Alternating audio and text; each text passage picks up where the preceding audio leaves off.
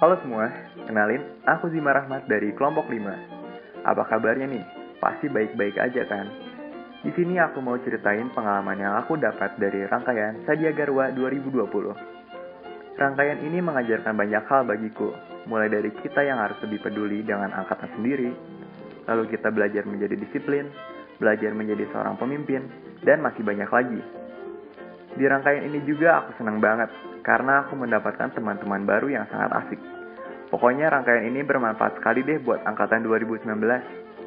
Oh iya, pesan saya untuk Sadia Garwa 2020 yaitu Terima kasih telah membina kami menjadi lebih baik dan selalu berusaha yang terbaik untuk menjadikan kami lebih solid-solid bangun sama angkatan. Segitu dulu ya teman-teman buat pesan dan kesannya. Stay safe teman-teman. See you.